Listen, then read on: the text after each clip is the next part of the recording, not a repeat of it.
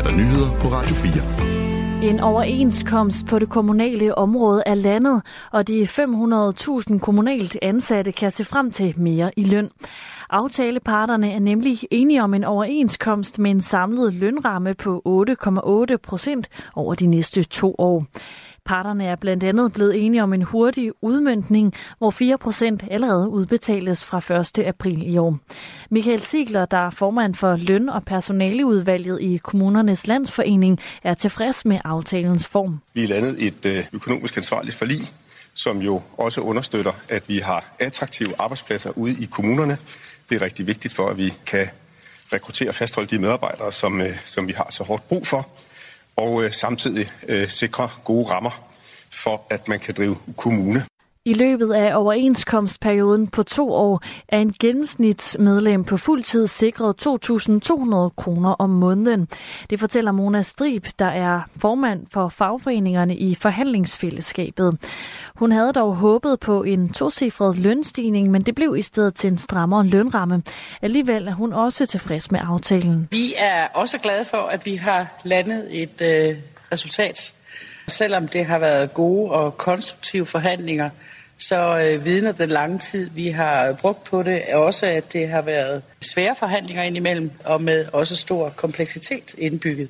Aftalen indeholder også tiltag som mere barsel til far eller medmor, penge til de lavest lønnede og så en frihedsopsparingskonto. Og her kan den enkelte spare op til 15 fridage sammen, som kan afvikles efter eget ønske.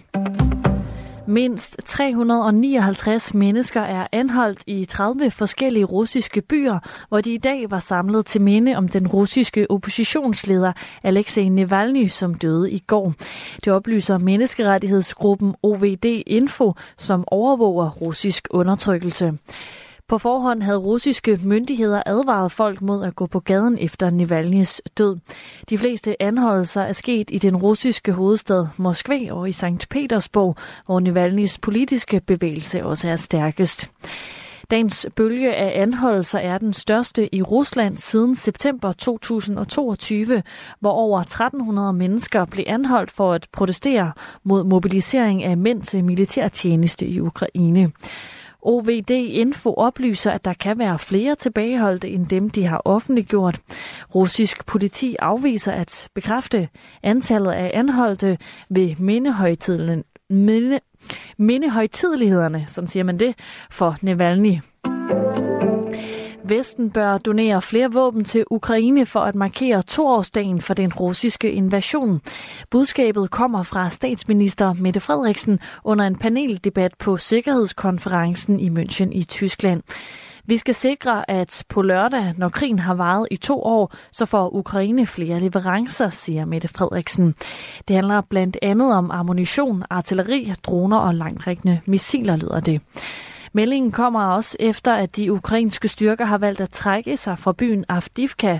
Styrkerne måtte opgive den strategisk vigtige by, fordi de ikke var i stand til at holde den, da de risikerede at blive omringet af russerne.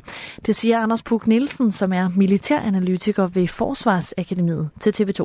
Ukrainerne er øh, på dels presset, fordi russerne presser så hårdt på. Altså, der er det russiske præsidentvalg her i næste måned, hvor de rigtig gerne vil levere nogle, øh, nogle, nogle store ting, så, så Putin kan komme til at se godt ud op til det. Øh, men der er jo også at det, at de mangler rigtig meget ammunition.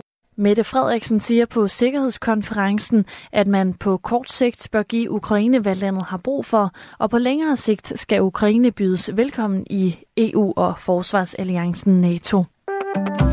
Og Ungarn er ved at være klar til at byde Sverige velkommen i NATO. Ungarns premierminister Viktor Orbán forventer, at parlamentet kan godkende Sveriges ansøgning om at blive medlem af NATO, når parlamentet genåbner 26. februar. Det siger han ifølge Reuters. Det er gode nyheder, at vores strid med Sverige snart vil være afsluttet, siger han. Vi bevæger os i retning af, at vi ved begyndelsen på parlamentets forårssamling kan ratificere Sveriges adgang til NATO, lyder det fra Orbán. Ungarn er det sidste land i Forsvarsalliancen, som mangler at godkende det svenske medlemskab. I aften tørt og mest klart vejr i nat mere skyet. Temperaturer mellem 1 grads frost og 4 graders varme. Vinden er svag til jævn fra syd og sydøst. Det var nyhederne med Sofie Levering her på Radio 4.